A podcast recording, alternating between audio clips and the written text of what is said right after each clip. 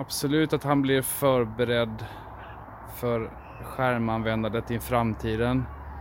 Eh, om man nu behöver det i så tidig ålder.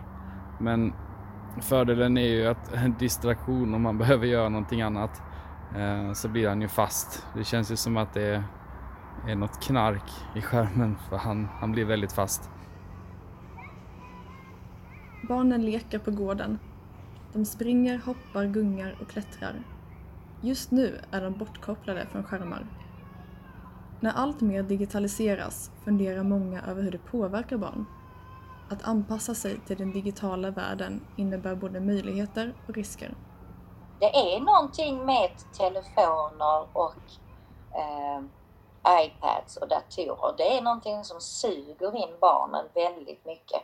Camilla är förskolelärare och har jobbat med barn i 30 år. För oss så blir inte det, det digitala verktygen en stor central roll utan vi använder det som hjälpmedel att lyssna på musik, visa någon liten film, eh, logga in barnen, använda det som lexikon. Så vi känner att det är precis lagom i balans till den andra verksamheten. Under de senaste åren har användningen av skärmar och digitala verktyg ökat i förskolan. Till exempel för att kunna skapa olika stämningar så kan en bild projiceras på väggen med hjälp av surfplatta och en projektor.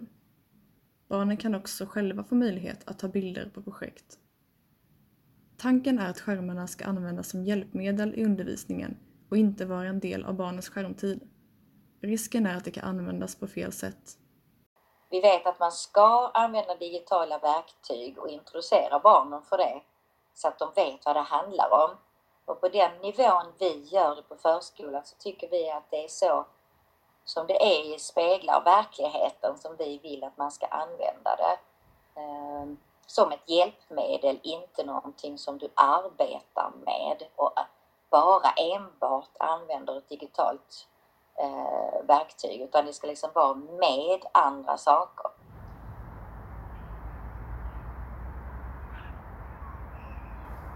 Eh, vad är din syn på att digitala verktyg används i förskolan? Eh, om, det, om det hålls till begränsad form eller väldigt lite tycker jag att det är bra. Men jag tycker mer om fysiska böcker och eh, aktivitet utomhus eller aktivitet med saker snarare än skärm. Linus har en ettårig son som precis börjat på förskola. Vi försöker ha en... Vi hade en nollvision hemma. Eh, men eh, tyvärr så har vi behövt använda skärm då och då när det, vi varit ensamma och, och eh, det varit kaos. Eh, och då, då fastnar han. Alltså då, då fastnar han ordentligt vid skärmen. Han berättar att han tycker det är bra om användningen i förskolan inte är ett krav, så att pedagogerna själva kan välja, utan att se skärmarna som ett måste. Eh, men självklart så, så ska de vara fria att använda skärm, exempelvis när rörelse, eh, interaktiva spel med rörelse eh, eller om musik.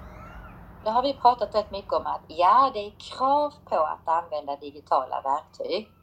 Eh, men det är ju egentligen inget konstigare än att det är krav på i läroplanen att barnen ska röra på sig, att de ska lära sig språk, eh, mål som vi ska försöka och, och eh, strävansmål är det ju. Det är ju ingenting vi ska uppnå i förskolan. Vi, vi har ingenting som ska, ska bevisas eller man får betyg i, men det är någonting vi strävar mot att lära barnen språk, matematik, historia, eh, skapande.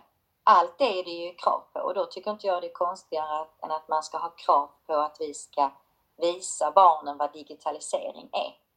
Det är ju vår vardag. Men sen hur mycket man väljer att använda det i förskolan, det är ju upp till varje förskola. Många funderar över hur barnen påverkas när allt mer digitaliseras. Tankarna är olika, men skärmarna ska användas på ett medvetet och balanserat sätt. Men när man landar i allting så är det ju att vi har en läroplan med många, att vi ska ge barnen ett så, en så spridd utbildning som möjligt. och smak på allt i livet. Eh, så att de ska bli eh, rustade för framtiden, för skolan och för, för livet. Och då är ju digitaliseringen en liten del utav det.